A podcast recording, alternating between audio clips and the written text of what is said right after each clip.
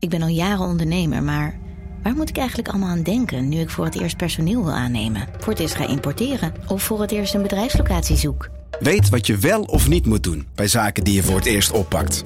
Check kvk.nl voor praktische stappenplannen. KVK, hou vast voor ondernemers. Vanaf de redactie van NRC het verhaal van vandaag. Mijn naam is Thomas Ruip.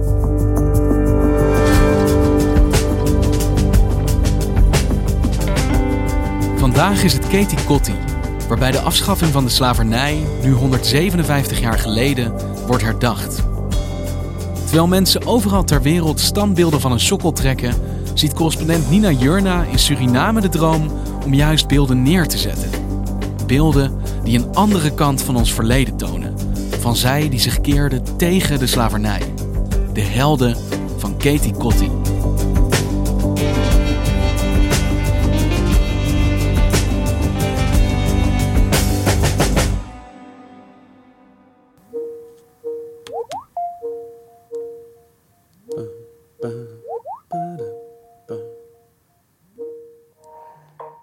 Nina?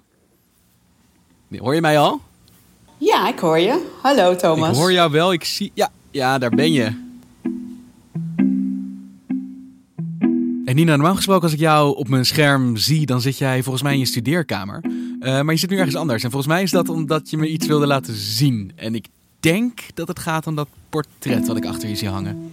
Nee, dat klopt. Ik zit op dit moment uh, uh, aan mijn eettafel in mijn appartement in Rio. En achter me zie jij uh, kapitein Broos op een oude zwart-wit foto... wat bewerkt is tot een collage, tot een kunstwerk. En Broos was een van de grote strijders van, in Suriname tegen de slavernij.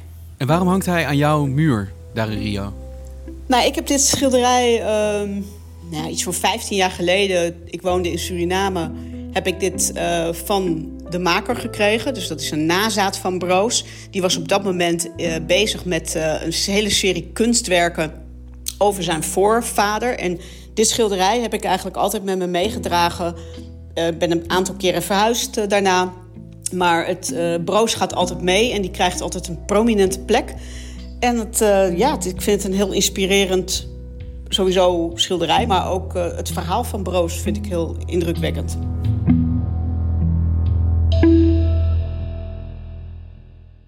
En wij spreken elkaar omdat het vandaag 1 juli is, Katie Kotti, dus de viering van de afschaffing van de slavernij. En is deze kapitein Broos dan ook een van de historische figuren die geëerd wordt op zo'n dag? Nou ja, aan de ene kant wel. Broos is een historisch figuur, zeker in de, af, in de aanloop ook van de afschaffing van de slavernij. Maar ja, je kunt heel Suriname um, uh, gaan, gaan afreizen, maar er is geen standbeeld voor Broos. Dat is dan wel weer heel opmerkelijk.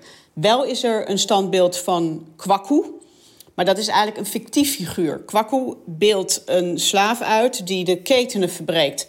En dat is het letterlijke betekenis van kitty kotti. Dat betekent verbreek de ketenen. Maar er is niet een strijder geweest die Kwaku was. Het is een fictief figuur die dat uitbeeldt. Dus dat is eigenlijk wel heel opmerkelijk dat er niet een beeld is voor Broos of voor andere echte strijders, maar wel voor een fictief persoon. En wie zijn dan de helden die ook volgens veel Surinamers en Nederlanders standbeelden zouden verdienen? Ik denk als je het hebt over eh, de slavernij en de strijd die tegen de slavernij is gevoerd, dan is de naam van Bonnie is, uh, cruciaal. Bonnie was een Maron en een Marons dat waren um, slaven die de uh, plantages ontvluchten um, en in het bos leefgemeenschappen uh, oprichten. En wat ze deden was vervolgens ook de plantages blijven aanvallen. Ook om andere slaven te bevrijden, maar ook om eten te vinden. En um, het verhaal van Bonnie dat is echt uh, verbonden aan de Surinaamse geschiedenis. Hij uh, was de leider van een gemeenschap die ook rondom een fort leefde, het Fort Buku. En dat fort was um, onverslaanbaar voor de Nederlanders. Er zijn heel veel mythische verhalen over dat er allerlei expedities door um, de kolonisten naar dat fort werden uitgevoerd. En ook om Bonnie gevangen te nemen. Maar dat het allemaal mislukte. Dat het, het, het fort onzichtbaar werd. En dat het uh, niet te vinden was. Dat het in een moerasgebied was. En op het moment dat de uh, expeditieleden daar dan aankwamen. dan dan uh, verdronken ze in het moeras. Er zijn heel veel uh, ja, heldenverhalen. Dus Bonnie, de figuur Bonnie is, uh, is eigenlijk de leider... of een van de belangrijkste leiders uh, van de strijd tegen de slavernij. En moet je ook voorstellen in die tijd... dat de Nederlandse kolonisten die hadden ook een huurlingenleger... waarmee zij het verzet van, van Bonnie en de Marons probeerden te breken... En nou, in dat leger hadden ze ook slaven opgenomen. En daar aan hen werd beloofd van nou, als je nu strijdt, dan daarna krijg je dan je vrijheid. Um, deze slaven die hadden een, een heel specifiek uniform. En uh, ze droegen rode mutsen. En uh, in het Surinaams uh, rode muts betekent redimusu. Um, en ze moesten dus eigenlijk vechten tegen hun eigen mensen. Nou, en in de hedendaagse Surinaamse cultuur is het woord redimusu verwijzend naar dus de kleding die deze mensen droegen, een, uh, betekent nog steeds dat je een verrader bent. En dat is een enorm scheldwoord. Als je nu iemand Redimusu noemt, dat, ja, dat, dan ben je dus een verrader. En in Suriname weet iedereen wie hij is? Iedereen weet wie Bonnie is. Um, maar ook Bonnie heeft geen standbeeld tot nu toe.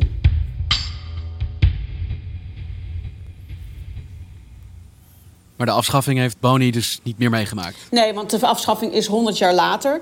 En um, in de lijn van Bonnie zie je dan dat de strijd verder gaat met uh, Broos. En die is dan de laatste leider van de laatste grote uh, Marongroep die er toen nog was. En waar de Nederlanders toen ook nog uh, een jaar voor de afschaffing van de slavernij... nog een felle veldslag tegen hebben uitgevoerd... en die de Nederlanders ook verloren hebben. Verloren van Broos, dus de man die mij nu aanstaart op het kunstwerk achter jou. Ja, en als je goed kijkt, uh, ik denk dat jij dat wel kan zien, uh, Thomas... zie je ook dat hij er heel keurig uitziet. Wit pak aan, een, een, zo'n strikje. En uh, mij is uitgelegd door de familie van Broos, de, nazaten... door de heer Ronald Babel. Die legde me uit dat dit het moment is dat, uh, waarop Broos ook naar de stad kwam en um, nou ja, vrede sloot met de Nederlanders. Hij werd dus uitgenodigd door de gouverneur en uh, op die dag is hij dus heel uh, goed uitgedorst, ontvangen in het paleis. Je ziet dus dat uh, de koloniale overheersing een geduchte tegenstand hadden. Dus in die gedachtegang is men ertoe overgegaan om dus Broos uit te nodigen als leider van de groep. Was dat ook het moment dat de slavernij werd afgeschaft? Nou ja, dat liep wel gelijktijdig. Alleen, um, we moeten niet vergeten, de slavernij is afgeschaft in 1863.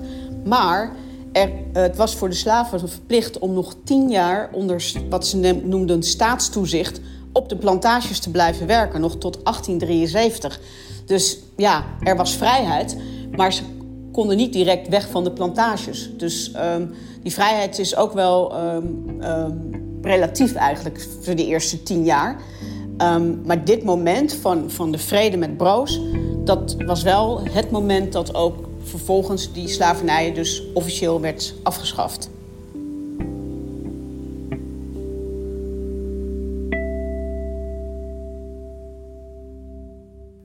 Hey Nina, ik wil me hier voorzichtig uitdrukken, maar ik denk als je in Nederland gaat rondvragen dat er niet veel mensen zijn die deze namen kennen. Broos, Boni. En ik moet ik heel eerlijk zeggen, uh, met pijn in mijn hart, ik kende ze niet.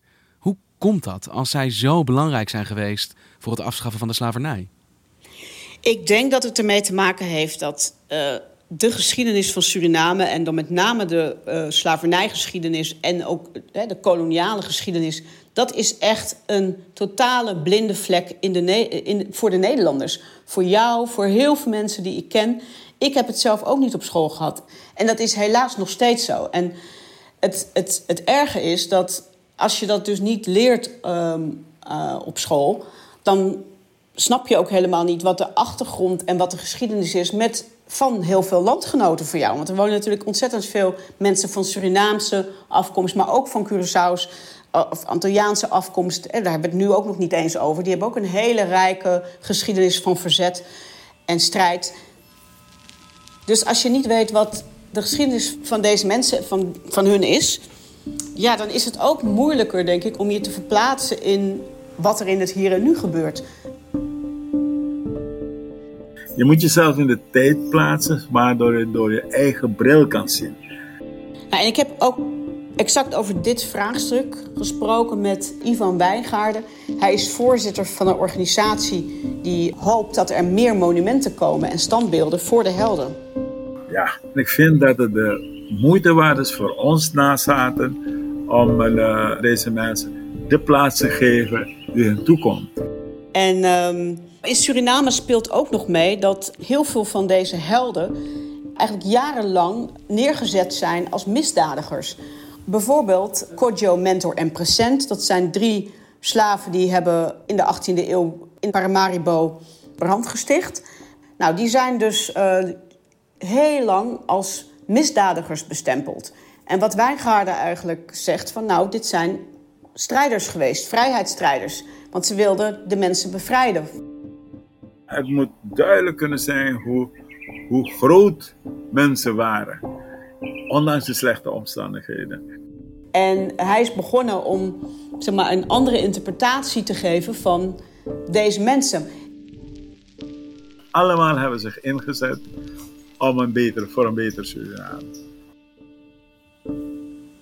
Ik kan me ook herinneren dat um, bijvoorbeeld de generatie van mijn oma in Suriname is opgegroeid, nooit iets leerde over de geschiedenis van Suriname. Ze leerden alles over Nederland. Bijvoorbeeld, de Rijn komt bij Lobit ons land binnen. Nou, ons land was dan Nederland, want Suriname was toen nog een kolonie van Nederland. Dus daar zat, moet je je voorstellen, tussen in de jungle en, en, en leerde zij de topografie van Nederland. Ze leerde niets over haar eigen omgeving en ook niet over haar eigen geschiedenis. En dat is iets waar um, iemand als Ivan Wijngaarden zich heel sterk voor maakt. En dus ieder jaar ook um, naar bepaalde plekken gaat in Suriname en vertelt wat er daar gebeurd is, strijd die daar geleverd is. En daar heb je ook het gevoel, hier vonden de dingen plaats. Er is behoorlijk verzet geweest. En dat, moeten we, dat is een mooie geschiedenis. Ik voel me heerlijk als ik over de geschiedenis mag praten. Hey Nina, over de hele wereld zie je op dit moment in het momentum van de Black Lives Matter beweging standbeelden van een sokkel worden getrokken. In hoeverre is die ontwikkeling die jij beschrijft daar een spiegel van? Dus niet alleen het neerhalen van beelden van mensen die hebben bijgedragen aan de gruwelen van slavernij, maar ook juist het oprichten van beelden van degene die hebben geholpen die te beëindigen. Nou, ik denk dat het dat neerhalen van de beelden ook wel uh, een soort woede is van de mensen die, die, die zeggen van ja, wij, waarom leren wij alleen maar deze geschiedenis? En waarom hebben we niet geleerd van die andere mensen die gestreden hebben? Dat is volgens mij cruciaal voor je eigen waarde ook. En dat is, nou ja, dat is ook wat Wijngaarden dus ook steeds benadrukt. Dat ze geen uh, slachtoffers-rol gaan vervullen, maar dat ze zeggen: Nou, ik kan het ook. Kunnen ze het voordeel daar trekken? Dat voor, voor jonge kinderen, of ze nou in Nederland wonen of in Suriname, dat ze ook uh, beseffen van hé, hey, mijn geschiedenis is niet alleen dat mijn voorouders als slaven op plantages uh, onderdrukt zijn en geslagen en whatever, maar ook dat ze zich verzet hebben.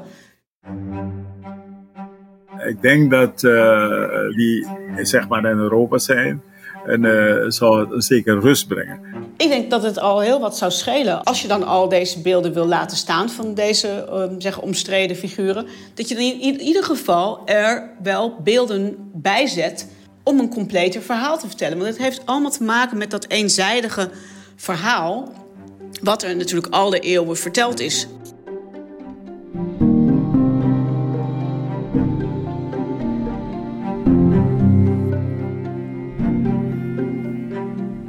Zie jij beweging ook? Want je hoort dus die roep in Suriname. Het zal vandaag ook in Nederland op Katie hier er veel over gaan. Maar zijn er ook al initiatieven? Zeker. Er zijn uh, nou ja, bijvoorbeeld van um, in Suriname uh, van de heer Wijngaarden... die uh, echt heel actief bezig is om um, voor elkaar te krijgen... dat er standbeelden worden opgericht. Maar ook bijvoorbeeld in Nederland weet ik dat er een hele nieuwe wijk in Amsterdam genoemd wordt naar strijders. Otto en Hermina Huiswoud. En ook dichters en, en schrijvers uit uh, de voormalige koloniën. Frank Martinez Arion en vele, vele anderen. zodat Amsterdamse jongeren nieuwe rolmodellen en iconen leren kennen. Uit heden en verleden. En niet alleen in de musea, de geschiedenisboekjes, maar op school, tijdens herdenkingen bij vieringen en in onze publieke ruimte. En ja, het begint nu uh, naar buiten te komen. En ik denk dat veel meer mensen ook geïnteresseerd zijn in hun eigen afkomst. En ook in, hun eigen, in de rol van hun voorouders. En dat is volgens mij ook uh, ja, wel een oplossing van dat we naar een nieuwe manier gaan om naar die geschiedenis te kijken. Zonder schuld van de dit fout dat. Nee, we willen gewoon het complete verhaal vertellen. Daar is behoefte aan. Dus misschien dat we binnenkort kapitein Broos niet alleen aan jouw muur zien hangen, maar ook op een standbeeld in Paramaribo of nou ja, Den Haag. Ik hoop het. Ik hoop het echt. Um, en uh, het standbeeld, zo'n standbeeld kan nieuwsgierigheid wekken. Wat ik ook merk bij het schilderij. Ik uh, ga het niet meer vergeten. Dankjewel, Nina. Graag gedaan.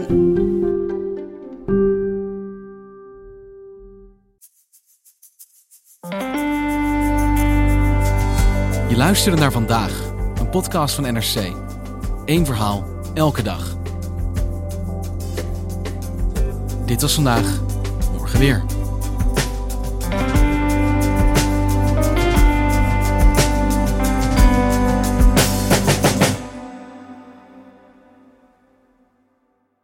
Technologie lijkt tegenwoordig het antwoord op iedere uitdaging. Bij PwC zien we dit anders. Als we de potentie van technologie willen benutten, kunnen we niet zonder een menselijk perspectief.